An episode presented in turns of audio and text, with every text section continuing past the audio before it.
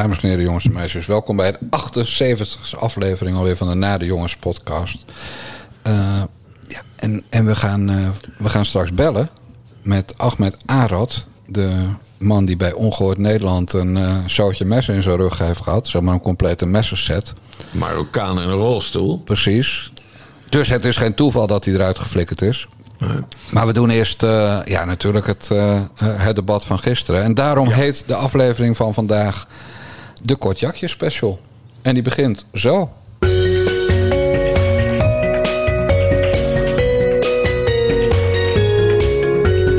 Altijd is Kortjakje ziek. Midden in de week, maar zondags niet. Zondags gaat zij naar de kerk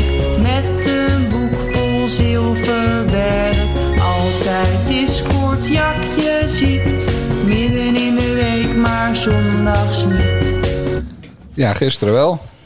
Bas, paternotte. Jij ging ervoor zitten voor het grote debat over het interview met eh, Wopke Hoekstra. En toen wist je al, hare hooghartigheid ontbreekt, want ze is ziek. Nou ja, en toen was ook gelijk de angel uit het uh, debat. Uh, Sigrid Kaag, minister van Financiën, partijleider van D66... verklaarde op Twitter dat ze in de ochtend onwel was geworden... en naar het ziekenhuis was geweest. En ja, toen wist je van, oké, okay, debat afgelopen eigenlijk. Ja. Want, want het, het ging erom uh, het Algemeen Dagblad en NRC Handelsblad, beiden, uh, wisten te melden uh, maandag dat Kaag het, het, vertrouwen had opgezegd in, in Wopke Hoekstra, naar aanleiding van zijn uitspraken. Dus dat zou het essentiële onderdeel van het debat zijn. Maar Sigrid Kaag was er niet. En wat, wat hielden we over? Uh, minister-president Mark Rutte en uh, D66-fractievoorzitter uh, Jan Paternotte, die beiden heel behendig zeiden van ja. Rutte zei van ik, kan niet, ik kan niet treden in wat ik in de ministerraad bespreek. En Jan Paternotte zei van... ik weet niet wat in de ministerraad besproken wordt. en toen was het debat best wel weer klaar. Ja.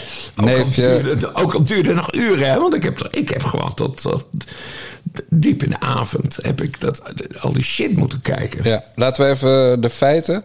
Mark Rutte heeft natuurlijk gelijk met zijn formele opstelling... ik kan niet vertellen wat er in de ministerraad besproken is... want dat is nou helemaal rechtsstatelijk zo afgesproken. Ja. En Jan Paternotte loog als een dolle. Ja. Want die wist natuurlijk donders goed. Ja, natuurlijk, ja, Jan Paternotte spreekt met zijn partijlijster. Dus dat, is, uh, dat, dat, staat als een paal boven water. Maar Paternotte had het formeel ook uh, bij het juiste, juiste einde. Deze uh, quote knip ik even los. Het, kan jij hem op je Twitter gebruiken voortaan. Paternotte ja. had het bij het juiste einde. nee, maar als Kaag wel bij het debat was geweest... was ze hier over ondervraagd. Uh, we weten hoe Kaag is onder druk. Hè? Weet je nog die persconferentie ja, ja. over Van ja. Drimmelen? Dan wordt ze boos. Dan wordt ze boos. Dus Kaag had dan meer verteld dan we nu weten. Dus nee, het is gewoon heel jammer dat ze onwel werd. Ja, dan blijft nog de vraag over... uh, was ze wel echt onwel of was ze schoolziek? Ja, zeg het maar. Ik, ik neem aan dat ze niet het risico neemt haar uh, onwelzijn uh, te fabuleren. Dus ik denk wel dat er iets serieus aan de hand was. Want anders, dat komt naar buiten op een gegeven moment. Ja. Maar daarmee was wel de hele angel uit het debat. Toen mevrouw Dijkgraaf en ik in wijk woonden... en we besloten hadden naar Friesland te verhuizen... gingen wij huizen kijken, zoals je dat normaal doet. En daar kon je toen nog de tijd voor nemen in 1997. Ja. En toen reden wij voor het eerst naar Friesland. En mevrouw Dijkgraaf is nogal uh, gehecht aan de plek waar ze woont. En tussen band en lemmer kreeg mevrouw Dijkgraaf een aanval van hyperventilatie. En dat had ik nog nooit meegemaakt, bij haar niet, maar überhaupt niet. En ik dacht echt werkelijk dat ze een hartaanval kreeg en doodging. Hmm. Dus ik, ben, ik heb in de auto op een parkeerplaats heel snel een uh, telefoonnummer van een huisarts in Lemmer opgezocht.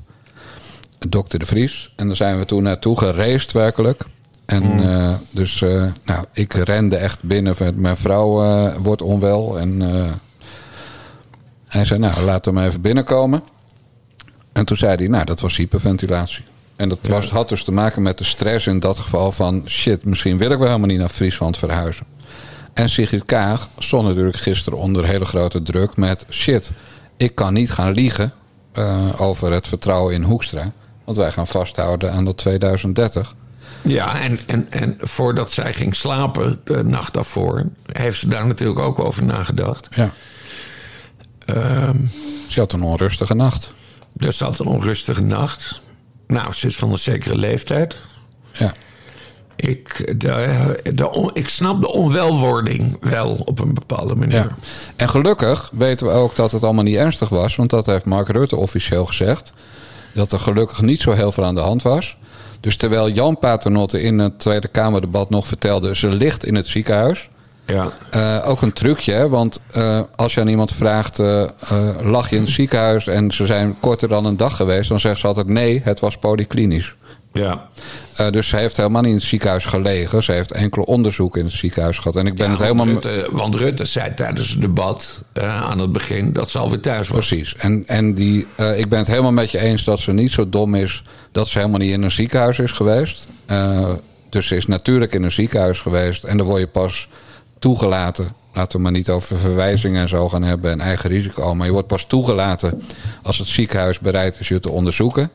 Dus er moet wel iets aan de hand zijn. Dus En de, en de arts, artsen denken dat er serieus iets aan de hand is. Exact. En dan word je dus gecheckt en dat hebben ze bij haar gedaan. En uit die check kwam, nou, niks aan het handje, want dat is wat Rutte zei. Ja. Eh, dus eh, ja, wel een soort kort jakje. Te meer. En dus ze had wel wat. eh, maar een, zeg maar de hyperventilatie van mevrouw Dijkgraaf of zo. En, en waarom ik toch kort jakje durf te draaien... is omdat het natuurlijk niet de eerste keer is... dat mevrouw Kaag verstek laat gaan bij belangrijke zaken. Want ze laat ook rustig de algemene beschouwingen schieten... voor een bezoekje aan de Verenigde Naties. Ja. En ze wil ook een belangrijk debat wel laten schieten... voor wat studenten in Maastricht. Ja, maar het is, het is ook niet handig voor een, voor een partijleider in zo'n eh, hypersensitief eh, eh, debat. waar dit eigenlijk over ging, namelijk het interview van vrijdag met Wopke Hoekstra. Ja. We willen dan gewoon wat horen van Sigrid Kaag. En we Precies. hebben dus niks gehoord van Nee. Sigrid Kaag. En dat doet ze dus vaker. En haar plaatsvervanger op aarde, eh, eh, Jan Paternotte, die heeft dus wel iets gezegd. Maar daar hebben we ook weinig van geleerd. Ja. Verder, Bas, eventjes als het om kort jakje gaat. Afwezig, Sylvana Simons. Twee weken geleden wel in staat om negen dagen op reis te gaan naar Suriname, Bonaire en Aruba. Maar te beroerd om gisteren bij het debat aanwezig te zijn. Idem eh Gundogan van de lijst Gundogan. De eenmans eh, eh, militie Gundogan. En verder afwezig mevrouw Den Haan, de zetelrover van 50 plus. Heb ik dat goed? En Thierry Baudet deed eh, niet mee in een debat... wat toch een lijster, een, eh, een, fractievoorzittersdebat was. Nee, maar dat had weer een leuk neveneffect. Want de FVD werd vertegenwoordigd door meneer Dekker. En die had zijn medespeech. En die heb jij natuurlijk helemaal afgeluisterd. Ja, ja, ja. Was het wat? Ja, Ralf Dekker, eh oud topman van de Rabobank. Slimme vent volgens mij. Hij leidt ook het Renaissance Instituut, het eh, wetenschappelijk bureau van Forum. Eh, hij staat ook aan de leiding van dat eh, project van die eh forumscholen. Eerste gaat open in Almere, meen ik. Ja. Maar die ging ook. Och, daar kwam ook een raar verhaal uit. Die ging helemaal, die ging helemaal over Rusland praten. Terwijl het debat ging over eh, het, het, het kabinet en, de kabinet en de verhoudingen binnen het kabinet. En een stukje koopkracht. Eh, nee, dat was echt bizar. Zij misbruikte zijn medespeech om ongestoord een verhaal te kunnen afsteken. Ja, maar dat is dus wel gewoon slim. Ja. Want dat had ik gelijk door toen ik die sprekerslijst zag. Van, ah, Dekker, die gaat gelijk zijn medespeech houden. En de maiden speech, hè, de eerste toespraak die je houdt in het parlement als uh, volksvertegenwoordiger, dan mag je niet geïnterrupeerd worden. Dus dat hebben ze, daar hebben ze heel goed gebruik van gemaakt. Ja, en daarna verschenen beelden van de gebruikelijke felicitaties die uh, een, een nieuw Kamerlid krijgt na zijn medespeech. En die waren opmerkelijk omdat de politici van VVD en D66 en de PvdA weigerden om hem de hand te schudden. Ja, dat was bizar. Dat, was, dat, dat moeten de mensen echt even terugkijken. ik heb er een, uh, ik heb er een uh, filmpje van gemaakt op uh, Nieuw Nieuws. Ehm, het, het, het, is dus een goed gebruik dat iemand felicitaties krijgt naar de medespeech. Maar sommigen die wilden hem gewoon geen hand geven. Adje Kuiken, Azarkan, Mark Rutte. Nee, Azarkan gaf hem wel een oh, hand. wel, oké. Okay. Mark Rutte. Renske Leijten gaf hem ook een hand. Ja, de SP deed het. En, en Wopke Hoekstra gaf hem een stevige hand. Ja. ja. Uh, maar uh, Van Gennep niet. Minister Van Gennep niet. Mark Rutte niet. Nee. Uh, Adje Kuiken niet. Sophie Hermans zelfs met haar handen in de zak. En een beetje ja. zo'n buiging. Nee, het was bizar. te gênant voor woorden. Heel ja. bizar. Heel bizar. En dat deden ze niet toen Koutar van GroenLinks haar mee een speech hield. Nee, nee, nee. nee. Het is heel bizar. Het is gewoon een goed gebruik dat je iemand dan feliciteert. Onbeschoft. Uh, Renske Leijten, uh, die is zeg maar hoofd nieuwe Kamerleden. Renske Leijten leest altijd de gelasbrieven, heet dat, voor. Uh, dus uiteraard gaf zij een hand. nou, Azarkan gaf Keur een hand. Uh, maar dat zijn dus bepaalde mensen die vinden dat die meneer geen hand verdient. Ja. En dat is raar, omdat de, de, Tweede Kamer, dat zie je ook bij Geert Wilders. Hè? Uh, heel veel mensen zijn het oneens met Geert Wilders. Ja. Maar ze betuigen wel altijd een soort respect voor hem. Uh, Femke Halsema heeft dat vroeger wel eens mooi omschreven. Uh, dat, het, dat het toch één familie is in die Tweede Kamer. En dat je met elkaar door één deur moet. Maar nee, Aartje Kuiken en Rutte. Ik vond het, uh, ik vond het beschamend. Je Ja. kan die Ralf Dekker toch gewoon een hand geven. Ja, ook al meen je er geen pers van. Het is gewoon uh, een goed Geef, gebruik. feliciteer die man dat hij Ja, dat hij er is. tijdelijk... Want hij is tijdelijk Kamerlid, hè? Ja, omdat, zwangerschapsverlof. omdat- zwangerschapsverlof verlof van... Hoe heet ze? Mevrouw Kersenboom. Ja. Niet Astrid. Nee, maar wel het meest onbekende Kamerlid Ja, van, niemand eh, kent. voor, voor democratie. Onzichtbaar. En dat blijft ze dus tijdens dat verlof. Ja. hey, we gaan naar het echte debat.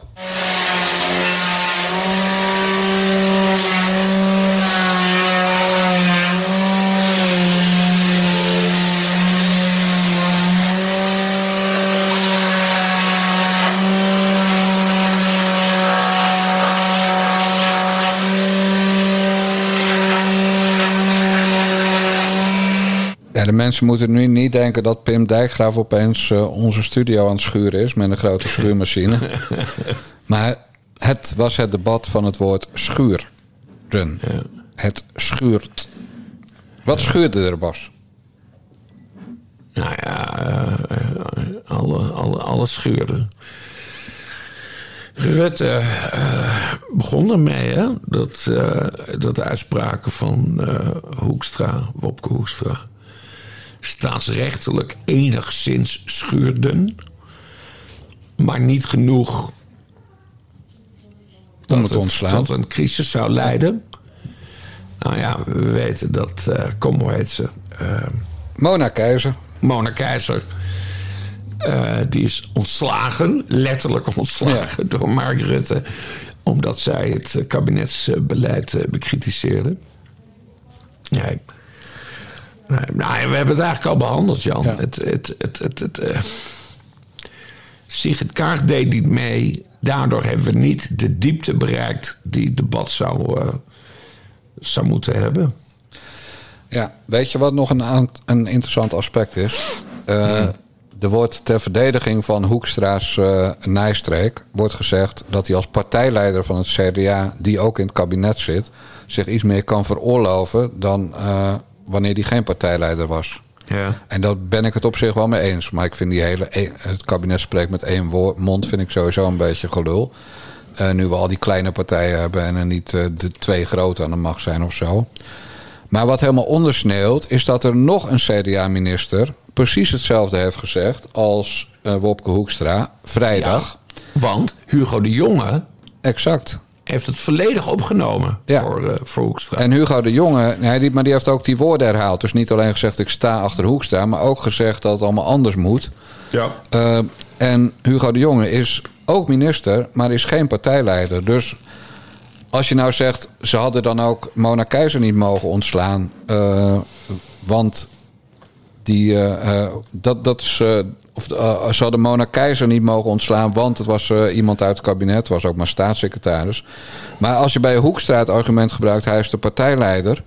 Ja, dat is Hugo de Jonge dus niet. Dus Hugo de Jonge had afgelopen vrijdag, net als Mona Keizer, een schop in zijn lendenen moeten krijgen. ja. Een, een, een oneervol ontslag uit het kabinet. En dat, Nou, dat goed, is dat helemaal het. niet behandeld. Nee, maar dat was het vorige, vorige kabinet. Ik, weet niet eens meer. Was het al demissionair toen Ke- Keizer weg moest? was helemaal niet het vorige kabinet, toch? Die is er nog een jaar weg. Ja, dat was, was het vorige kabinet volgens mij. Nee joh. Dit kabinet zit er vanaf januari. Het is nu eh, bijna september.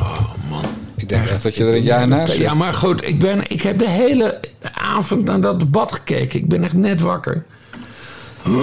Ga je nou weer zitten googlen? Ja, dan doe ik het niet. Dus eh, het scheelt. En ik wil wat leuks doen. Ja, Mordekaiser. Och, wat ziet ze er toch leuk Nee, uit, ze is zeg. tijdens de demissionaire periode ontslagen. Ja, zie je wel. Ja, je hebt gelijk. Ja, je heb je hebt gelijk, Bas. hey, Ja, Bas. ik heb gelijk. Ja, we Bas kunnen- Paternot heeft gelijk. Mooi man, gefeliciteerd. Ja, maar goed, Hugo de Jonge had dus ontslagen moeten worden. Als bij eh, Hoekstra het verzachtende, de verzachtende omstandigheid geldt dat hij partijleider is. Ja. Hugo de Jonge is dat duidelijk niet. Eh, dus die moeten gewoon uit alsnog. Nee, maar goed. Dat Gaat allemaal niet gebeuren, maar Nee, maar theorie. dat is, de, dat is de kracht van Mark Rutte. Die echt het ene moment eh, gooit die keizer eruit. En op een andere moment laat hij Hugo de Jonge gewoon zitten. En, en Wopke. Hij is de koning van het gelegenheidsargument. Ja, maar hij heeft het echt. Het, het, het, het- ik vond het. Ik, ik vond het. Het was dubbel. Ik vond het frustrerend om te zien. En tegelijkertijd keek ik met bewondering naar de premier. Ja, dat kennen we nou wel. Want hij is er weer mee weggekomen. Mark Rutte komt werkelijk overal mee weg. Ja, nee, je hebt gelijk. Die, nou als, hij, als hij zo doorgaat, hij kan gewoon nog 50 jaar premier blijven. ja. Hey, eh, de conclusie van het debat is dat of Johan Remkes moet met een, een toverformule komen, of Ja. het CDA moet inbinden, of D66 moet inbinden. Ja. En hebben we het over ergens in september gaat dat allemaal gebeuren. Nee, maar daarom is het, daarom is het slimme. eh, eh, er speelt trouwens nog iets anders mee, maar dat zal ik zo zeggen. Eh, daarom is die inzet van Johan Remkes zo slim. Want daarmee heeft het kabinet tijd gekocht. Eh, bovendien heeft Johan Remkes begin deze maand eh, iets heel interessants gezegd. Namelijk eh, dat hij hoopt, letterlijk gequote, dat hij hoopt dat het kabinet nog gaat sleutelen aan de stikstofmaatregelen.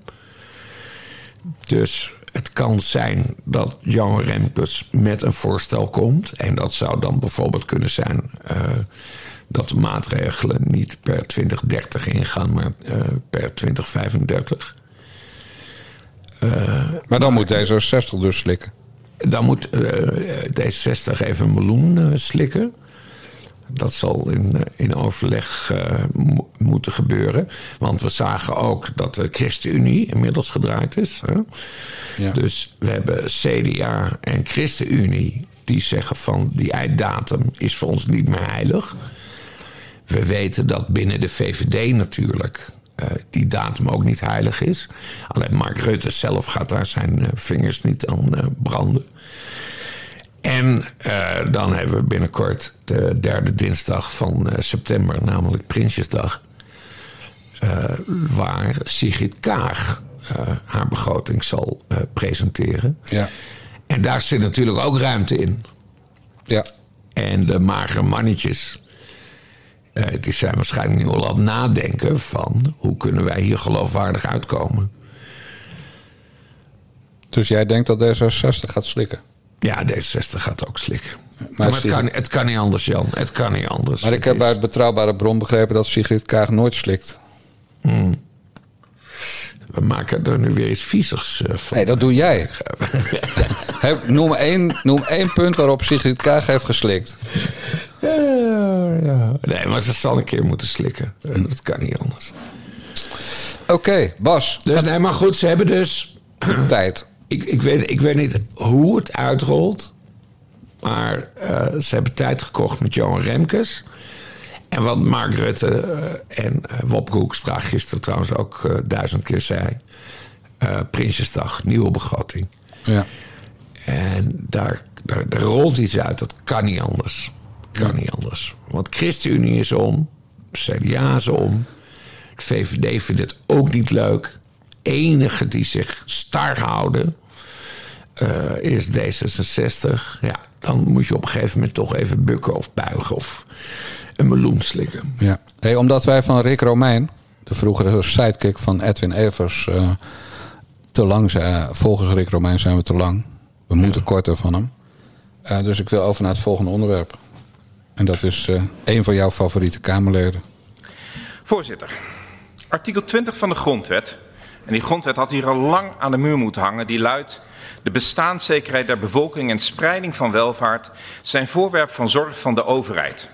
En Nederlanders hier te landen die niet het bestaan kunnen voorzien, hebben een bij de wet te regelen recht op bijstand van overheidswegen. Dat is een dwingende opdracht. Ministers en Kamerleden, drie dus vandaag, zweren trouw aan de grondwet. En we zitten in een crisis. Voor de zomer wisten we al dat 1,2 miljoen huishoudens eten en energie niet kunnen betalen uit de maandelijkse inkomsten. Al zeggen ze alle andere inkomsten af. En dat is de grootste crisis sinds 1945. Tegelijkertijd krijgt de regering 10 miljard euro extra door de gasbaten. Prioriteit van de regering moet zijn, die 10 miljard euro moet terug naar de huishoudens die de gasrekening niet kunnen betalen. Wilt u een fonds opzetten? Niet om Tata 800 miljoen te betalen. Niet om Shell en de NAM schadeloos te stellen via een Norg-akkoord.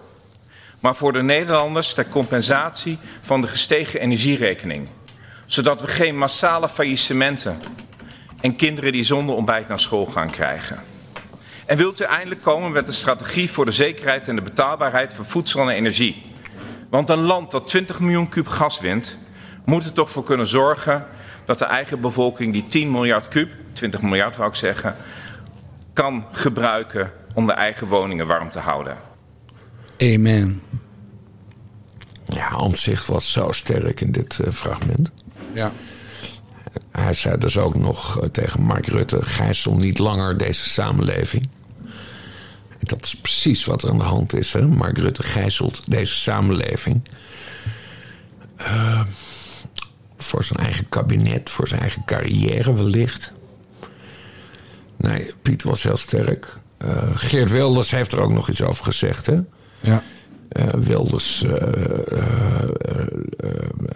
Wil- Wilders wilde een toezegging. Dat was trouwens wel een moeilijke vraag hoor, die hij stelde. Eh, maar Wilders wilde een toezegging van Rutte. dat mensen niet van het gas eh, worden afgesloten. Dus arme mensen. Dus niet wanbetalers, maar mensen die gewoon het niet meer kunnen betalen.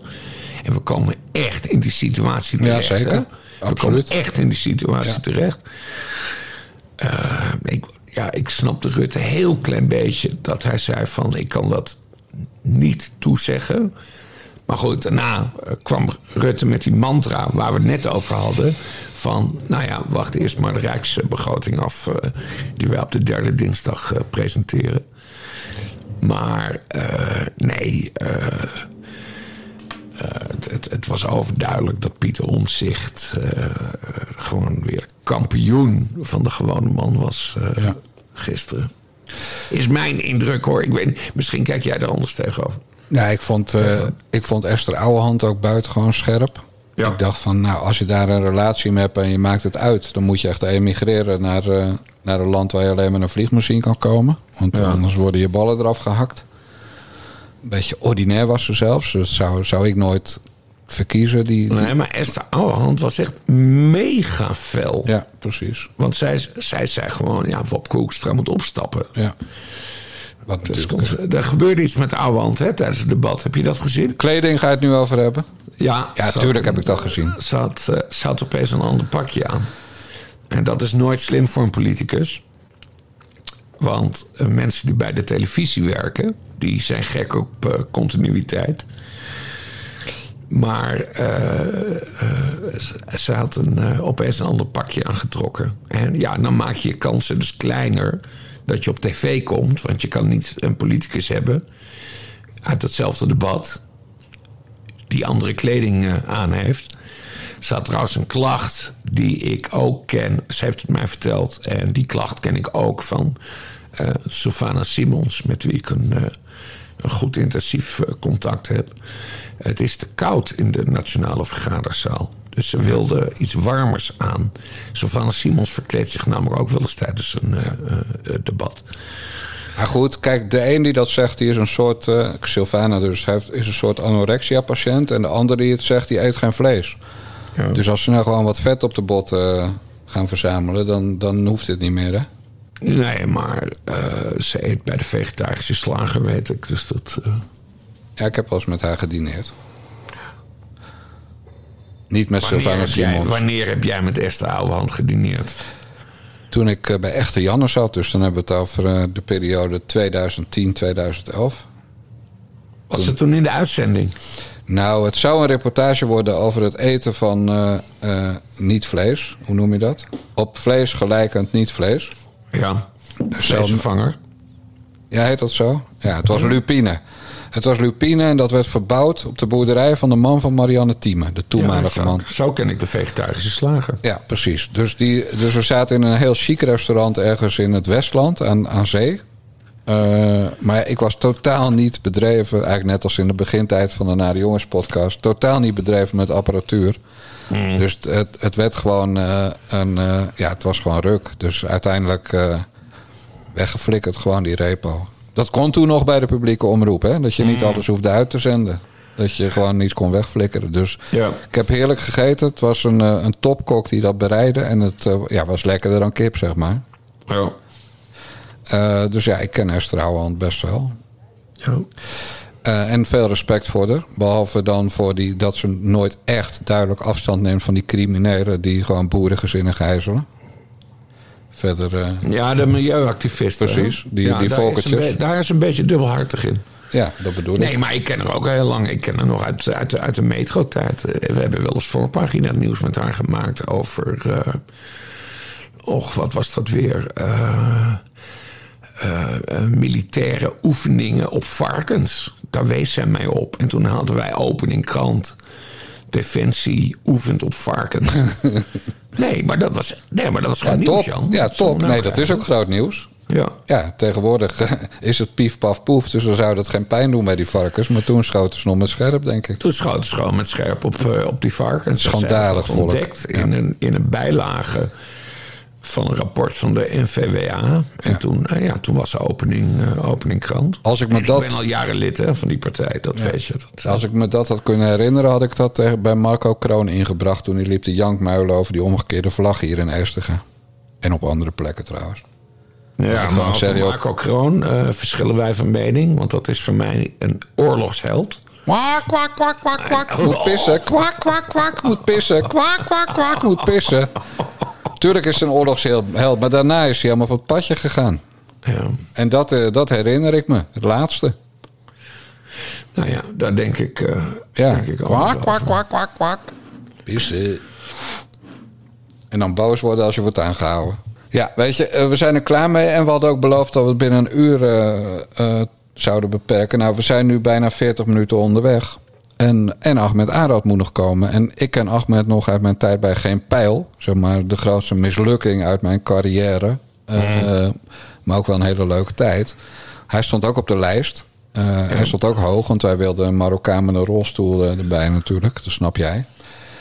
Eh, maar Ahmed zei dat we hem zouden kunnen bellen over zijn vertrek bij Ongehoord Nederland. Alleen je weet bij hem nooit of hij ook echt op gaat nemen. Maar we gaan een poging wagen. Spannend.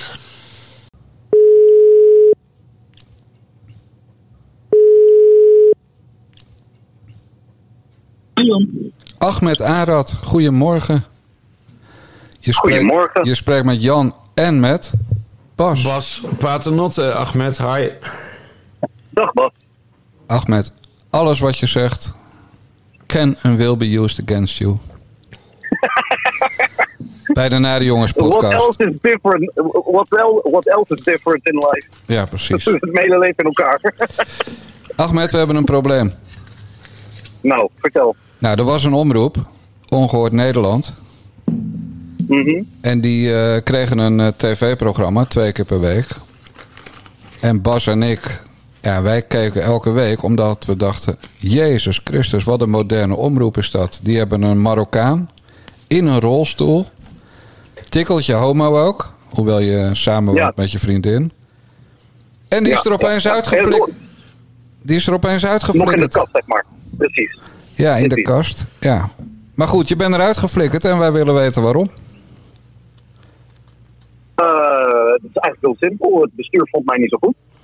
Het bestuur. Namen, rugnummers.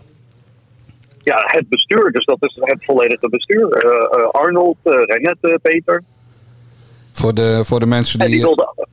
Ja even, voor en die de, wilde ook een andere kant op met het programma. ja, even voor de mensen die niet weten wie al die, bij al die voornamen horen. Arnold Kaskens, voorzitter en oprichter van Ongehoord Nederland. Peter Flemings, eh, geloof directeur content of zoiets. Klopt dat? Eh, Peter Flemings, directeur media. Directeur media. En die, Rene, Ren- de, die Goudrenet, Renette Appels, of zoiets. Die, eh, Eh, nee. Renette Klever, die, die, eh, ja, die is dus zakelijk gezien eh, de basis. Wat zij Ja. fantastisch doet. Renette, Renette Ja. Klever, oud-Kamerlid van de PVV. Mhm.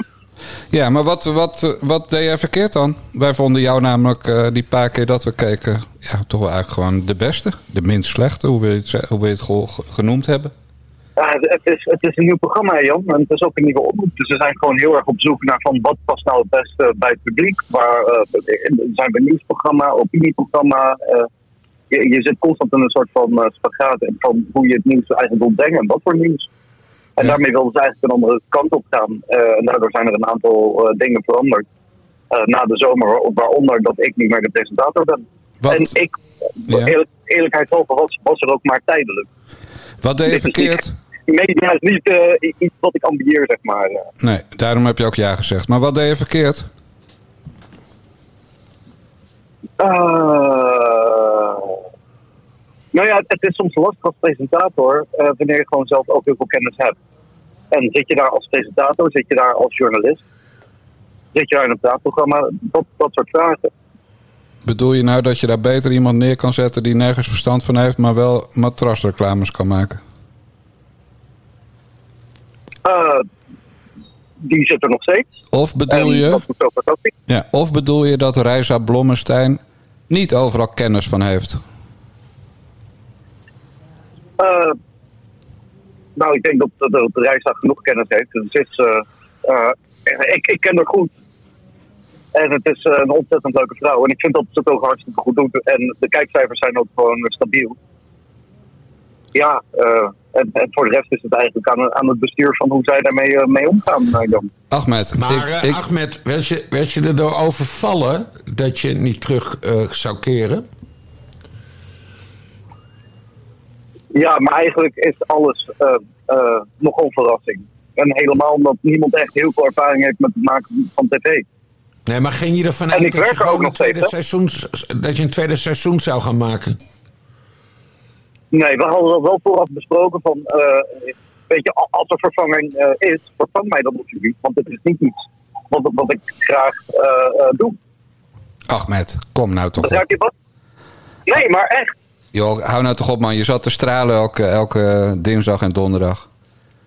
Als ik ergens voor ga, Jan, dan weet jij dat ook, dan ga ik er volledig voor. Ik heb zelfs gerucht gehoord dat je speciale trainingen ervoor hebt gevolgd. En die, nou ja, die training eh, was er omdat Arlette heel graag een training wilde.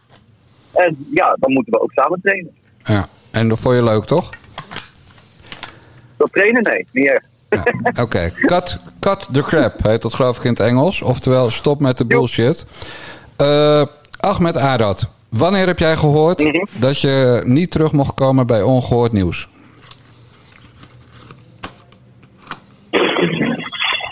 Het eerste signaal was eh, juli. Met de, met de laatste uitzending voor het seizoen. Dat eh, het bestuur dacht aan een aantal eh, zaken binnen het programma te veranderen. En toen zeiden ze, en, en, jij- vervolgens- en jij bent die zaak. Een van de zaken, ja. ja. Oké, dus, dus in juli hoorde je al dat ze van plan waren om dingen te veranderen. En wanneer heb je gehoord Ja. dat je een mes in je rug kreeg? ik heb geen met een. Jan, ik werk er nog steeds. En, en ik, ik ben bezig ook met hele gave dingen binnen de omroep. En dit deed ik er echt letterlijk bij. Ja. Ja. Gewoon letterlijk. Wanneer heb je gehoord dat ze een andere presentator gingen zoeken, definitief? Eh, de, twee, drie weken voor de eerste uitzending. Oké, Ja. dat, is best- dat is best wel laat. Ja. Ja. Maar het is ook best wel lastig om, om een goede presentator te vinden. Zeker voor we- wederom een nieuwe omroep. Die ook eh, ja, eh, niet echt de grootste eh, talent eh, direct aan trekken. Ja, nee, Nee. Maar, nee, maar Ahmed, je was gewoon een hele goede presentator. Precies. Voor, voor dit programma. Je, je, kon dit, je kon dit gewoon heel goed. En je was ook de enige die kritisch was. Precies. Je hebt bijvoorbeeld eh, heb je, eh, Sherry Baudet eh, eh, een keer scherp ondervraagd. Zou die ene aflevering dat jij Baudet zo scherp ondervroeg... eh, ook mee te maken hebben dat je nu geen presentator meer bent? Precies. Nee, niet direct. Ehm, ik denk dat het een combinatie is van heel veel dingen bij elkaar. Want eh, juist het kritisch bevragen werd eh, door de regie, eh, door binnen, mensen binnen ons heel erg aangemoedigd. Van, weet je, laat ze maar het vuur aan, aan de schenen, maar laat wel iedereen eh beleefd uitdragen. En dat, dat, dat heb ik gedaan met Geert Wilders, dat heb ik gedaan met eh Thierry, met Van Haga. Eh, waar ik kon of waar er ruimte voor was, heb ik dat gepro- geprobeerd. Oké, Ahmed, nog één keer. Cut the Mhm. crap. Ja. Op 17 mei 2022 zat Thierry Baudet bij jullie in de uitzending allemaal wartaal over criminelen en, en grote complotten eh, Ja. eh, uit te slaan. En toen heb jij hem tot drie keer toe onderbroken. En tot drie keer Ja, toe en daarna gaf ik het op. En tot drie keer toe lulde hij gewoon door je heen. Wat ik, wat ik een beetje bij jou doe. En aan het eind van, van dat gesprek met Thierry Baudet... eh, waarin jullie duidelijk in tijdnood kwamen... omdat er nog andere onderwerpen waren... toen heb Ja. je gewoon gezegd... sorry, we kappen ermee dus voor een andere keer. En, ook dat gebe- en toen, ook lulde, toen lulde die ook gewoon door. Thierry Baudet was duidelijk Ja. not amused... over hoe jij hem op 17 mei hebt aangepakt. Dat was zichtbaar op tv, althans voor mij. Ik denk ook Ja. voor jou in de studio voelbaar. En Thierry Baudet levert zo ongeveer één op de twee afleveringen van Ongehoord Nieuws een hoofdgast. Zijn partij. Eh, dus mijn stelling is dat eh, een politieke partij gewoon eventjes heeft aangeklopt bij Peter Flemings, de directeur media van Ongehoord Nederland, of bij Arnold Kaskus, Ja. en heeft gezegd: ja, zo gaan we het niet meer doen, vrienden.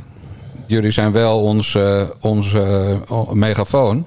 En we willen hier ongestoord onze wartaal kunnen uitslaan. Ze noemen het zelf geen wartaal, maar zo noem ik het. Ik, ik ken Peter heel erg lang. Eh, net zo lang als ik- dat ik jou ken, Jan. Ja. En hij zou hier nooit akkoord mee gaan. Dus het was Arnold. Nou ja, dat zou dus betekenen dat het, dat het bestuur het niet met elkaar eens zou zijn. Maar dat is helemaal niet zo.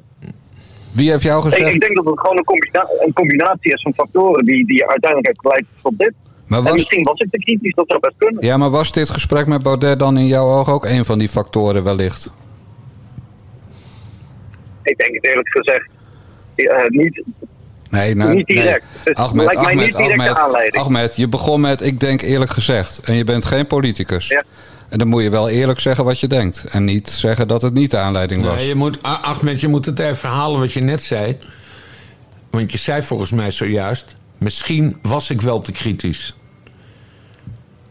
Nee, ik, ik heb niet gezegd dat ik te kritisch zou zijn. Misschien, ja. Eh, dat zei letterlijk. Maar ik, ik denk dat ik. Ik denk, ik denk dat, dat de Thierry en ik ook nooit vrienden van elkaar zouden zijn. Ik bedoel, eh, ik heb hem alle ruimte gegeven om het vo- volledige verhaal te doen. Eh, hem laten uitpraten, maar elke keer neemt hij gewoon een bocht dat hij ergens eh, over, over volledig iets anders gaat, eh, gaat lopen. Dat was nooit de bedoeling. Dan denk ik van, ja, eh, heeft dat een rol gespeeld? gespeeld? Ja, eh, er loopt nooit een SVD'er eh, bij, bij Ongehoord mee rond. Dus, weet je, ik bedoel... eh, Er loopt nooit een het- we hebben geen FVD'ers over de vloer lopen. Oh, zo, nee, nee, maar Ahmed, tegenwoordig kan je ook appen en zo, hè? En bellen. Kom op. Het Nee, is, ik, heb, ik, heb nooit, ik, ik heb nooit druk meegemaakt dat, dat bij een politicus dat ik een bepaald politicus anders moest bejegenen of anders moest bevragen. Of vragen niet, niet, niet mocht stellen of eh, eh, me in zou moeten houden over de kritiek, et cetera. nee, behalve, Die aanwijzing heb ik echt nog nooit gehad. nee, al- behalve dat, dat blijkbaar op het moment dat jij Thierry Baudet drie keer durft te onderbreken... en op het eind van, de, van jullie interview drie keer zegt... kappen nu, want eh, het item zit erop...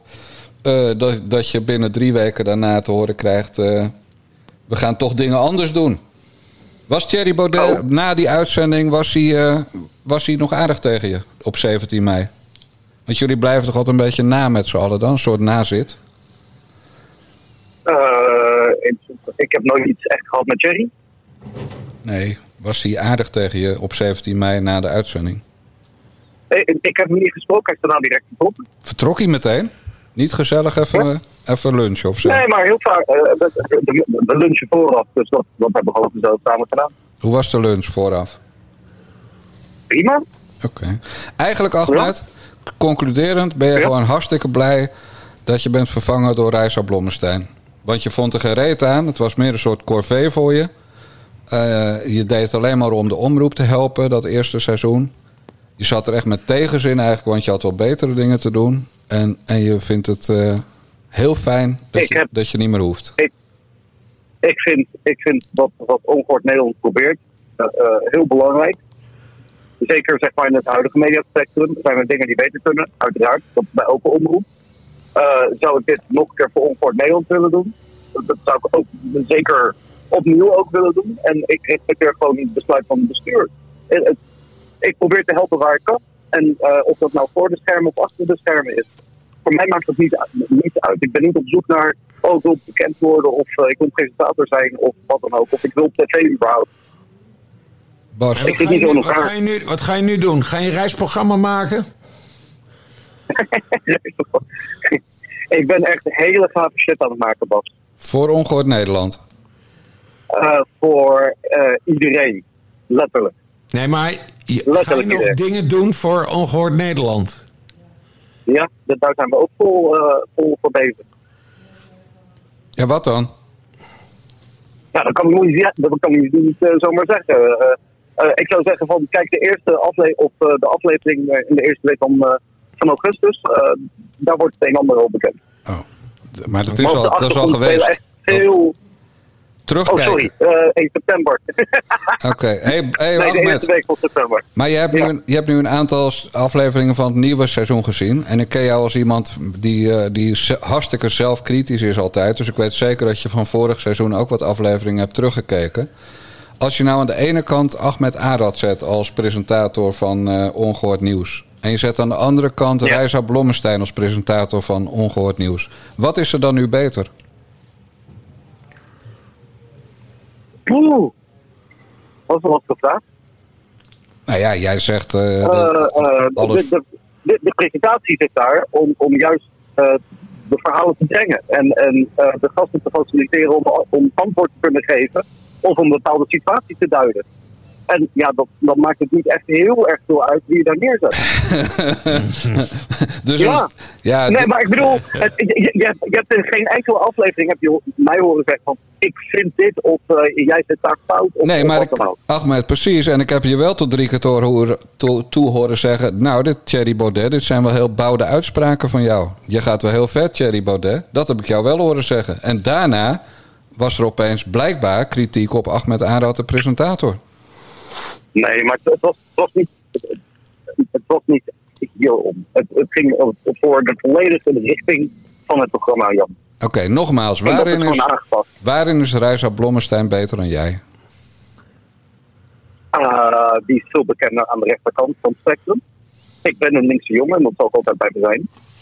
Ah, dat, dat, dat past beter bij het programma, zou ik, zou ik dan denken. Eh, tja, eh, en, en ze kent over het algemeen de gasten veel beter. Ik, Ja. bedoel, ik, ik volg niet een Cherry op de voet of, een, eh, of, of wie dan ook. Nee, Ik, en- ik heb tot de druk in andere dingen. Ja, dus ze, ze weet beter eh, wie er in de studio komt. Die kent ze goed. En ze is zelf rechts. Dat zijn de twee voordelen ten opzichte van jou. En dan ken ik Ja. je, ja, oké. En dan ken ik je ook als iemand die niet te weinig zelfvertrouwen heeft. Hè? Uit onze geen pijltijd. Mhm. Eh, dus waarin was jij beter dan Reisa Blommestein? Oeh, ehm, ik denk uiteindelijk het eh, veel. eh, nee, maar dat gaat er ook prima eigenlijk af eh, nu eh, met de laatste uitzending. Met, met onderbreken was even eh, in, in het begin even een dingetje. En je, de uitzending jezelf maken. Nou, daar had ik ook in de eerste drie afleveringen moeite mee. Maar ik, ik denk dat ze aardig bijtrekt. Dus je was nergens beter in dan Reisa Blommestein. Je bent- jullie zijn gewoon robots die het inwisselbaar zijn. Eh, voor het programma, wel ja. Robots. Voor- voor- ja, Oké, dus... maar, maar dat, is, dat, dat is een presentator. Ja, ik, ik begreep dat Ongehoord Nederland ook een beetje was opgericht... omdat ze juist vinden dat al die presentatoren... te veel hun eigen meningje lopen door te drukken... bij al die andere publieke omroepen en zo. En, en, en- Ja, en daarom, hebben, daarom was het eh, de bedoeling dat wij onze mening gewoon eigenlijk voor ons zouden, zouden houden. en dat heb je één keer niet. En dat heb je één keer niet gedaan, Ahmed, op 17 mei. En nu ben je een dikke vette Nee. snabbel kwijt. Maar je, je hebt een hele dikke vette snabbel. Niet? Oké. Wat Eh, krijg je ervoor eh, eigenlijk? nee. Ja, wat krijg je ervoor, Ahmed? NPO, dus je moet hier transparant over zijn. Ja. Anders Nou, ik doen we gelijk op. En ik denk, ik denk als, als je het zou wolven, zou je meteen denken van... Nou, laat maar eigenlijk. Hij deed het alleen maar voor de ijdelheid. NPO kun je niet wobben. Wat verdiende jij? Ja, dat kan ik niet zeggen, joh. Jawel, Jan Dijkgraaf heeft ook voor de NPO gewerkt. Eh, hij heeft dat bedrag ook wel eens Ik kreeg bij WNL als opiniemaker 500 euro per beurt. Dan zat je toch wel en- boven. En bij, en bij Poont, ruim een ton. Nee, bij Poont was ik in, gewoon in dienst. Kreeg ik 144.000 euro per jaar Ja, wat verdiende Ahmed Arad? bij WNL. Oh nee, bij ON. Mij kostte het geld, Ah, letterlijk. hoe kan dat Ja. nou? Ja, omdat ik normaal gesproken een echte baan heb, waar ik eh, echte dingen doe. Dat is Back Me, hè? en wat is, wat is, eh, en wat is, dat, wat is die baan? Ik eh, eh, was verantwoordelijk voor de IKEA-groep om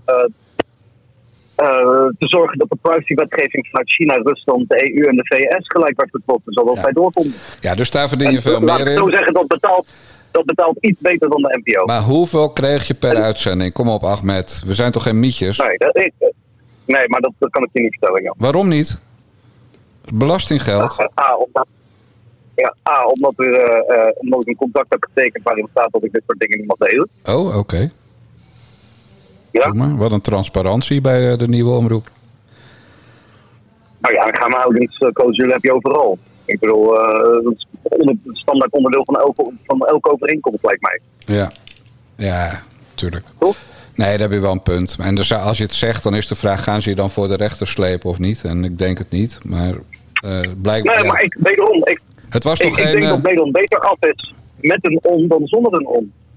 ja, maar is Nederland ook beter af zonder Ahmed Arad dan met Ahmed Arad? Dat is natuurlijk onze kwestie als fans van, van jou. Nou, dat gaan we binnenkort testen. Want ja, ik eh, had al vorig jaar gepland om naar het buitenland te gaan. En dat, eh, dat kan niet weer. Je gaat emigreren.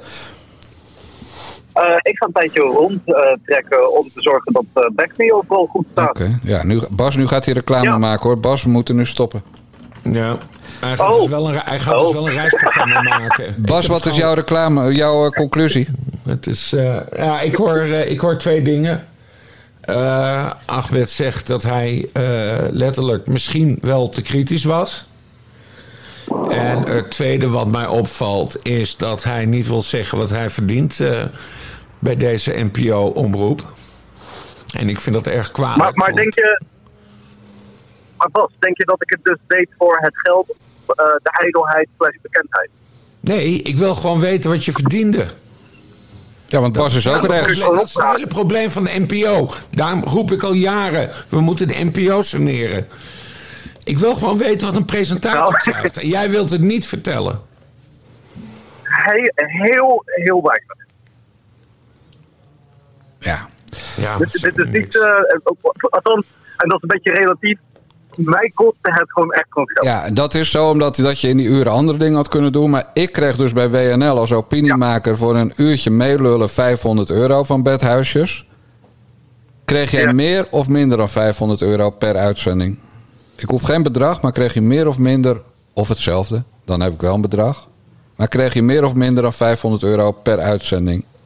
Ex-BTW. Maar Jan, dat, dat, dat, dat- de, de BTW is er niet, sowieso niet bij de NPO.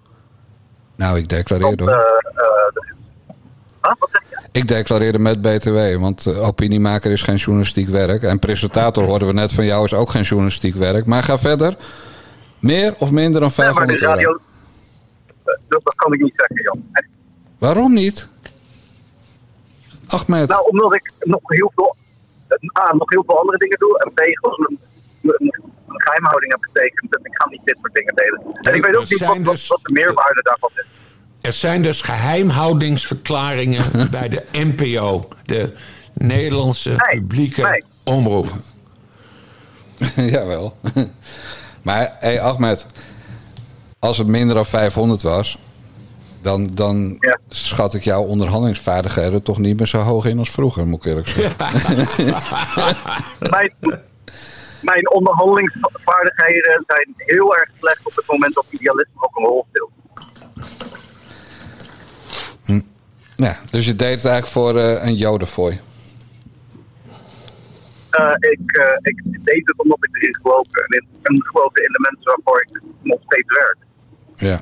En dat Ja, is niet om, om, eh om, om uh, hoer of, of wat dan ook. Nee, ik geloof echt in wat ik doe. Ja. Ik wil nog even, ik wil nog even naar een afronding. Eh, Jan en ik hebben destijds de eerste aflevering eh, besproken. En toen zagen we live eh, hoe je tijdens een pauzemoment alleen achterbleef in de studio met je elektronische sigaret. Weet je nog, Jan? Ja, als de dag van gisteren. Wij vonden dat heel zielig voor Ahmed. Uh, voor mij was dat het eerste rustmomentje van de dag.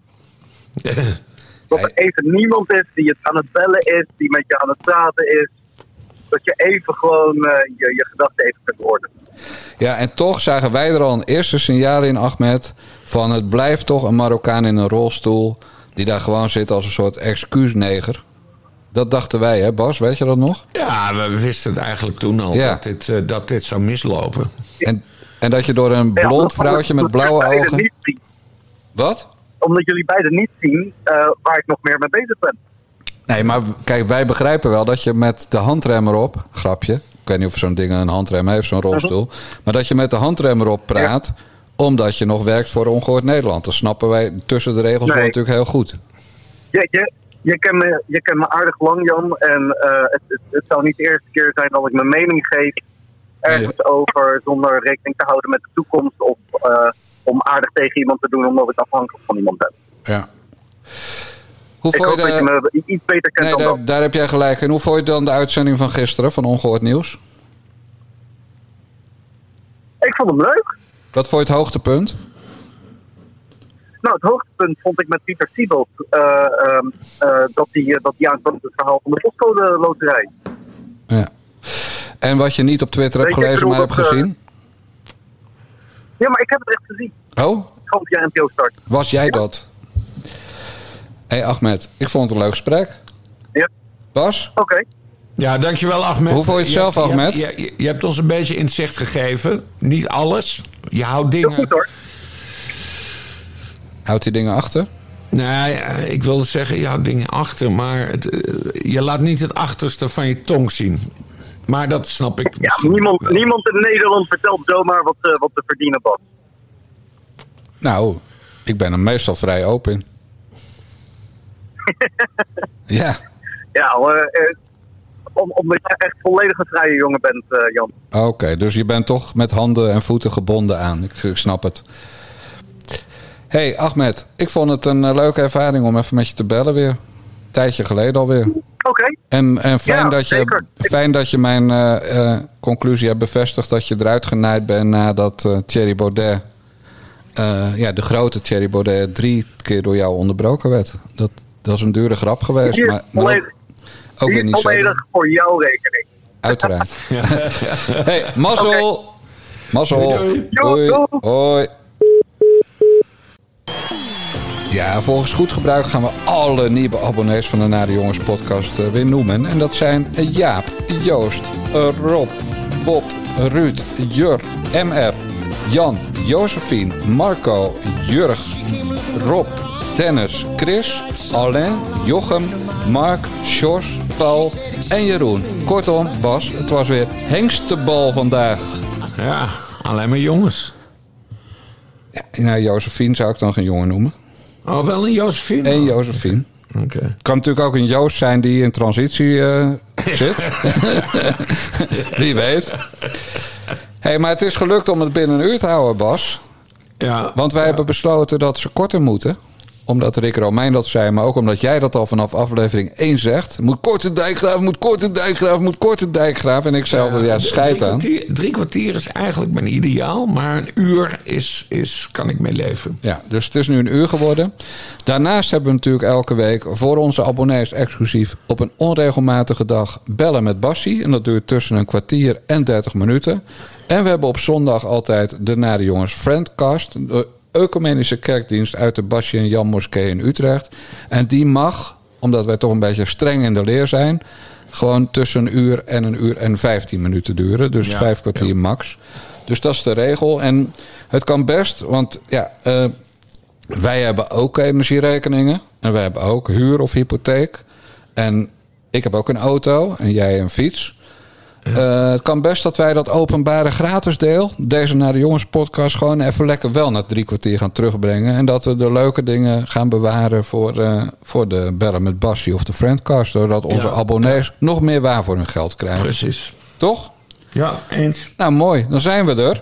Dit was aflevering 78 van de Nare Jongens podcast van Niva Radio. Onze website is nivaradio.nl. Abonneren kan via petjeaf.com slash Nare Jongens. Nou, dan krijg je dus ook elke week bellen met Bassie en de Ecumenische Kerkdienst. Ik zeg de mazzel. Doei doei.